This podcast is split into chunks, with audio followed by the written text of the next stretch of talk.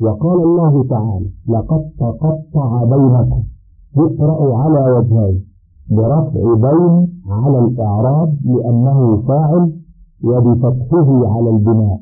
وقال الله تعالى إنه لحق مثل ما أنكم تنطقون يقرأ على وجهين برفع مثل على الإعراب لأنه صفة لحق وهو مرفوع وبالفتح على البناء. ثم قلت أي الفتح أو نائبه هو اسم لا النافية للجنس إذا كان مفردا. نحو لا رجل ولا رجال ولا رجلين ولا قائمين ولا قائمات وفتح نحو قائمات أرجح من كسره. ولك في الاسم الثاني من نحو لا رجل ظريف ولا ماء بارد النصب والرفع والفتح. وكذا الثاني من نحو لا حول ولا قوة إن فتحت الأول فإن رفعته امتنع النصب في الثاني فإن فصل النعت أو كان هو أو المنعوت غير مفرد امتنع الفتح. وأقول الباب الرابع من المبنيات ما لزم الفتح أو نائبة وهو إثنان الياء والكسرة. وذلك اسم لا. وخلاصة القول في ذلك أن لا إذا كانت للنفس وكان المراد بذلك النفي استغراق الجنس بأسره بحيث لا يخرج عنه واحد من أفراده وكان الاسم مفردا ونعني بالمفرد هنا وفي باب النداء ما ليس مضافا ولا شبيها بالمضاف. ولو كان مثنى أو مجموعا فإنه حينئذ يستحق البناء على الفتح في مسألتين والبناء على الياء في مسألتين والبناء على الكسر أو الفتح في مسألة واحدة. أما ما يستحق فيه البناء على الفتح فضابطه أن يكون الاسم غير مثنى ولا مجموع. نحو رجل وفرس أو مجموعا جمع تكثير نحو رجال وأفراس تقول لا رجل في الدار ولا فرس عندنا ولا رجال في الدار ولا أفراس عندنا. وأما ما يستحق فيه البناء على الياء فضابطه أن يكون الاسم مثنى أو جمع مذكر سالما نحو لا رجلين ولا قائمين. قال الشاعر تعز فلا الفين بالعيش متعا ولكن لوراد المنون تتابعه. وقال الآخر يحشر الناس لا بنين ولا آباء إلا وقد عنتهم شؤونه وأما ما يستحق فيه البناء على الكسر أو الفتح فضابطه أن يكون جمعا بالألف والتاء المزيدتين نحو مسلمات. تقول لا مسلمات في الدار. قال الشاعر إن الشباب الذي نبض عواقبه فيه ملذ ولا لذات للسيد. يروى بكسر لذات وفتح. ولما ذكرت حكم اسم لا أوردت مسألتين يتعلقان بباب لا المسألة الأولى أن اسمها إذا كان مفردا أو نعت بمفرد وكان النعت والمنعوت متصلين. نحو لا رجل ظريفا في الدار جاز لك في النعت ثلاثة أوجه. أحدها النصب على محل اسم لا فإنه في موضع نصب بلا. ولكنه بني فلم يظهر فيه إعراب. فتقول لا رجل ظريفا في الدار. والثاني الرفع على مراعاة محل لا مع اسمها فإنهما في موضع رفع بالابتداء فتقول لا رجل ظريف في الدار برفع ظريف وإنما كانت لا مع رجل في موضع رفع بالابتداء لأن لا قد صارت بالتركيب مع رجل كالشيء الواحد وقد علمت أن الاسم المصدر به المخبر عنه حقه أن يرتفع بالابتداء والثالث الفتح فتقول لا رجل ظريف في الدار وهو أبعدها عن القياس فلهذا أخرته في الذكر. ووجه بعده هو أن فتحه على التركيب وهم لا يركبون ثلاثة أشياء ويجعلونها شيئا واحدا ووجه جوازه أنهم قدروا تركيب الموصوف وصفته أولا ثم أدخلوا عليه ما لا بعد أن صار كالاسم الواحد ونظيره قوله لا خمسة عشر عندنا. المسألة الثانية أن لا واسمها إذا تكرر نحو لا حول ولا قوة إلا بالله جاز لك في جملة التركيب خمسة أوجه. وذلك لأنه يجوز في الاسم الأول وجهان الفتح والرفع فإن فتحته جاز لك في الثاني ثلاثة أوجه الفتح والرفع والنصب. مثال الفتح قوله تعالى لا لغو فيها ولا تأثيما ومثال الرفع قول الشاعر هذا لعمركم الصغار بعينه لا أم لي إن كان ذاك ولا أبو. ومثال النصب قول الآخر لا نصب اليوم ولا خلة اتسع الخرق على الرافع. فإن رفعت الاسم الأول جاز لك في الاسم الثاني وجهان الفتح والرفع. فالأول كقوله في هذا البيت فلا لغو ولا تأثيم فيها وما فاه به أبدا مقيم. والثاني كقوله تعالى لا بيع فيه ولا خلة في قراءة من رفعهما ولا يجوز لك إذا رفعت الأول أن تنصب الثانية ثم قلت أو الكسر وهو خمسة العلم المختوم بوجه كشيب وجه والجرمي يجيز منع صرفه. وفعال للأمر كنجال وضراط وبني أسد تفتحه.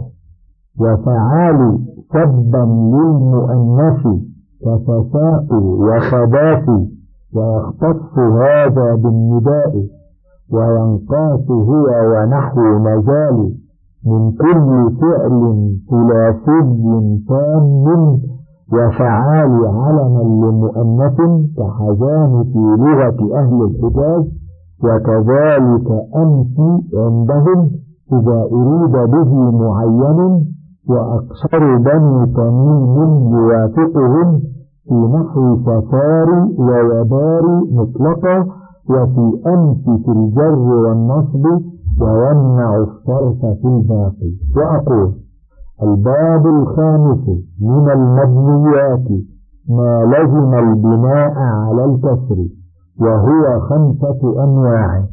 النوع الأول العلم المكتوم بوجه كسيب وجه وعمر وجه ونفق وجه وراه وجه ونحو ذلك.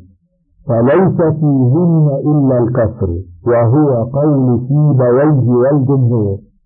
وزعم أبو عمر الجرمي أنه يجوز فيهن ذلك والإعراب إعراب ما لا ينفرد النوع الثاني ما كان اسما للفعل وهو على وزن فعال. وذلك مثل نزال بمعنى انزل وضرات بمعنى أدرك وطرات بمعنى أترك. وحذار بمعنى اخضر قال الشاعر حذار من أرماحنا حذار. وقال الآخر طراتها من إبل طراتها. وما أحسن قول بعضهم هي الدنيا تقول بملء فيها. حذار حذار من بطي وفتكي. فلا يغرركم من ابتسام كقولي مضحك والفعل مبكي وبنو أسد يفتحون فعال في الأمر لمناسبة الألف والفتحة التي قبلها. النوع الثالث ما كان على فعال وهو صب للمؤنث. ولا يستعمل هذا النوع إلا في النداء. تقول يا خباثي بمعنى يا خبيثة يا دفاري بالدال المهملة بمعنى يا ممكنة ويا لكاعي بمعنى يا لئيمة. ومن كلام عمر رضي الله عنه لبعض الجواري أتتشبهون بالحرائر يا لكاعي ولا يقال جاءتني لكاعي ولا رأيت لكاعي ولا مررت بلكاعي فأما قوله أطوف ما أطوف ثم آوي إلى بيت قاعدته لكاعي فاستعملها في غير النداء فضرورة شاذة. ويحتمل أن التقدير قاعدته يقال لها يا لكاعي فيكون جاريا على القياس.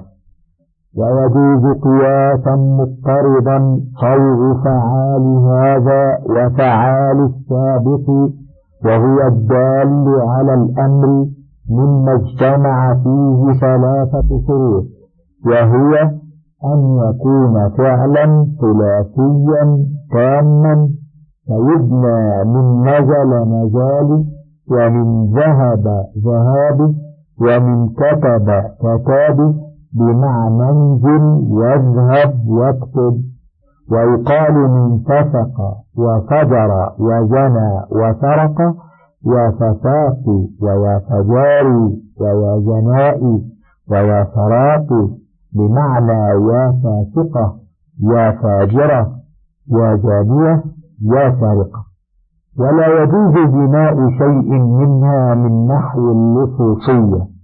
لأنها لا فعل له ولا من نحو بحرج واستخرج وانطلق لأنها زائدة على الثلاث ولا من نحو كان وظل وبات وصار لأنها ناقصة لا تامة ولم يقع في التنزيل فعال أمرا إلا في قراءة إلا في قراءة الحسن لا مسافه بفتح الميم وكسر السين وهو في دخول لا على اسم الفعل بمنزلة قولهم للعاشر إذا دعوا عليه بألا ينتعش أو لا يرتفع لا لعن. وفي معاني القرآن العظيم للفراء ومن العرب من يقول لا مساس يذهب به إلى مذهب ضراك ونزال وفي كتاب ليس لابن خالويه لا مساس مثل ضراك ونزال وهذا من غرائب اللغة. وحمله الزمخشري والجوهري على أنه من باب قطان وأنه معدول عن المصدر وهو المس. النوع الرابع ما كان على فعال وهو علم على مؤنث نحو حزام وقطان ورقاس وسجاح بالسين المهملة والجيم وآخرها حاء مهملة اسم للكذابة التي ادعت النبوة وكساب اسم لكلبة وسكاب اسم لفرس. وهذه الأسماء ونحوها للعرب فيها ثلاث لغات إحداها لأهل الحجاز وهي البناء على الكسر مطلقا. وعلى ذلك قول الشاعر إذا قالت حزان فصدقوها فإن القول ما قالت حزان. والثانية لبعض بني تميم وهي إعرابه إعراب ما لا ينصرف مطلقا. والثالثة لجمهورهم وهي التفصيل بين أن يكون مختوما بالراء فيبنى على الكسر أو غير مختوم بها فيمنع الصرف. ومثال المختوم بالراء كفاري بالسين المهملة والفاء اسم الماء وحضاري بالحاء المهملة والضاد المعجمة اسم لكوكب. ووباري بالباء الموحدة اسم لقبيلة وظفاري بالضاء المعجمة والفاء اسم لبلدة. قال الشاعر انتبه في بويت متى تردا يوما سفاري تجد بها إليه ما يرمي المستجيز المعورا وقال الأعشى فجمع بين اللغتين التميميتين ألم تروا إرما وعادا؟ أودى بها الليل والنهار ومر دهر على يدار فهلكت جهرة ودار فبنى يدار الأول على الكسر وأعرض يدار الثاني وقيل إن يدار الثاني ليس باسم كيدار الذي في حشو البيت بل الواو عاطفة وما بعدها فعل ماض وفاعل والجملة معطوفة على قوله هلكت وقال أولا هلكت بالتأنيش على معنى القبيلة وثانيا ضاروا بالتذكير على معنى الحي وعلى هذا القول فتكتب وضاروا بالواو والألف كما تكتب صاروا النوع الخامس أمس إذا أردت به معينة وهو اليوم الذي قبل يومه. وللعرب فيه حينئذ ثلاث لغات. إحداها البناء على الكسر مطلقا وهي لغة أهل الحجاز. فيقولون ذهب أمس بما فيه واعتكفت أمس وعجبت من أمس بالكسر فيهن. قال الشاعر منع البقاء تقلب الشمس وطلوعها من حيث لا تمشي ثم قال اليوم أعلم ما يجيء به ومضى بفصل قضائه أمس. الثانية إعرابه إعراب ما لا ينصرف مطلقا وهي لغة بعض بني تميم وعليها قوله وقد رأيت عجبا مذ أمس عجائزا مثل السعالي خمسة يأكلن ما في رحلهن همسة. لا ترك الله لهن ضرسا وقد وهم الزجاجين فزعم أن من العرب من يبني أمس على الفتح واستدل بهذا البيت. الثالثة إعرابه إعراب ما لا ينصرف في حالة الرفع خاصة وبناؤه على الكسر في حالتي النصب والجر وهي لغة جمهور بني تميم. يقولون ذهب أمس فيظنونه بغير تمييز واعتكفت أمس وعجبت من أمس فيكسرونه فيهما وهذا كله يفهم من قولي في المقدمة ويمنع الصرف في الباقي وقولي الباقي أردت به أمس في الرفع وما ليس في آخره راء من باب حزان وقطان وإذا أريد بأمس يوم ما من الأيام الماضية أو كسر أو دخلته أل أو أضيف أعرب بإجماع تقول فعلت ذلك أمسا أي في يوم ما من الأيام الماضية. وقال الشاعر مرت بنا أول من أنوف تنوف فينا نيشة العروس. وتقول ما كان أطيب أمسنا وذكر المبرد والفارسي وابن مالك والحريري أن أمس يصغر فيعرب عند الجنة كما يعرب إذا كفر. ونص في بويه على أنه لا يصغر وقوفا منه على السماع والأولون اعتمدوا على القياس ويشهد لهم وقوع التكفير فإن التكفير والتصغير أخوان وقال الشاعر فإني وقفت اليوم والأمس قبله ببابك حتى كادت الشمس تغرب روي هذا البيت بفتح أمس على أنه ظرف معرب لدخول ال عليه ويروى أيضا بالكسر وتوجيهه إما على البناء وتقدير الزائدة أو على الإعراب على أنه قدر دخول في على اليوم ثم عطف أمس عليه عطف التوهم. وقال الله تعالى فجعلناها حصيدا كأن لم تغن بالأمس. الكسرة فيه كسرة إعراب لوجود ال وفي الآية إيجاز ومجاز. وتقديرهما فجعلنا زرعها في استئصاله. كالزرع المحصود فكأن زرعها لم يلبث بالأمس فحدث مضافان واسم كأن وموصوف اسم المفعول وأقيم فعيل مقام مفعول لأنه أبلغ منه ولهذا لا يقال لمن جرح في أملته جريح ويقال له مجروح.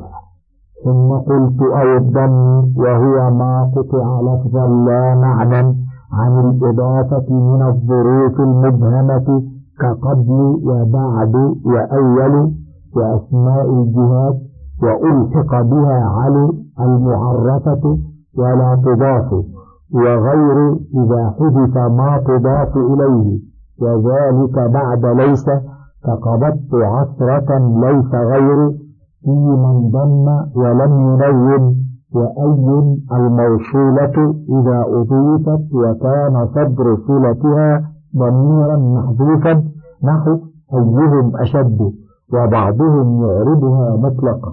وأقول الباب السادس من المبنيات ما لزم الضمة وهو أربعة أنواع النوع الأول ما قطع عن الإضافة لفظا لا معنى.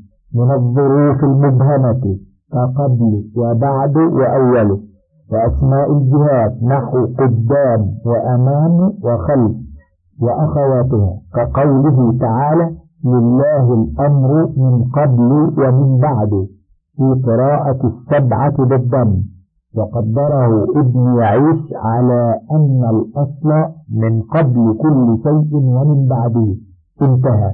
وهذا المعنى حق. إلا أن الأمثل للمقام أن يقدر من قبل الغلب ومن بعده.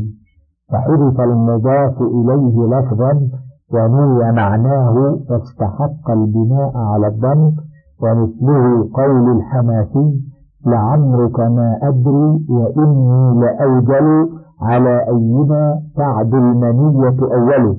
وقال الآخر إذا أنا لم أومن عليك ولم يكن لقاؤك إلا من وراء وراء وقولي لفظا احتراز من أن يقطع عنها لفظا ومعنى فإنها حينئذ تبقى على إعرابها وذلك كقولك ابدأ بذا أولا إذا أردت ابدأ به متقدما ولم تتعرض للتقدم على ماذا؟ وقول الشاعر فساغ لي السراب وكنت قبلا أكاد أغص بالماء الفرات. وقول الآخر ونحن قتلنا الأسد أسد خفيته فما شربوا بعدا على لذة الخمر وقرئ لله الأمر من قبل ومن بعد بالخفض والتنوين على إرادة التنكير وقطع النظر عن المضاف إليه أي لفظا ومعنى وقرأ الجحدري والعقيلي بالجر من غير تنوين على إرادة المضاف إليه وتقدير وجوده. النوع الثاني ما ألحق بقبل وبعد من قولهم قبضت عشرة ليس غيره والأصل ليس المقبوض غير ذلك. فأضمر اسم ليس فيها وحدث ما أضيف إليه غير وبنيت غير على الضم تشبيها لها بقبل وبعد لإبهامها. ويحتمل أن التقدير ليس غير ذلك مقبوضا ثم حذف خبر ليس وما أضيفت إليه غير وتكون الضمة على هذا ضمة إعراب والوجه الأول أولى لأن فيه تقليلا للحذف ولأن الخبر في باب كان يضعف حذفه جدا. ولا يجوز حذف ما أضيفت إليه غير إلا بعد ليس فقط كما مثلنا. وأما ما يقع في عبارات العلماء من قولهم لا غير فلم تتكلم به العرب. فإما أنهم قاسوا لا على ليس أو قالوا ذلك سهوا عن فرق المسألة. النوع الثالث ما ألحق بقبل وبعد من علم المراد بها معين. كقولك أخذت الشيء الفلاني من أسفل الدار والشيء الفلاني من علي أي من فوق الدار. قال الشاعر ولقد سددت عليك كل ثنية وأتيت فوق بني كليب من علي ولا تستعمل علي مضافة أصلا ووقع ذلك في كلام الجوهري وهو سهو ولو أردت بعلي علوا مجهولا غير معروف تعين الإعراب كقوله كجلمود صخر خطه السيل من علي أي من مكان عال.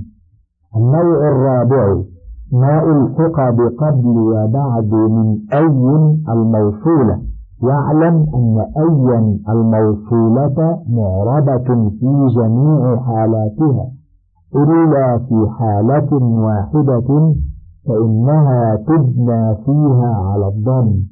وذلك إذا اجتمع شرطان.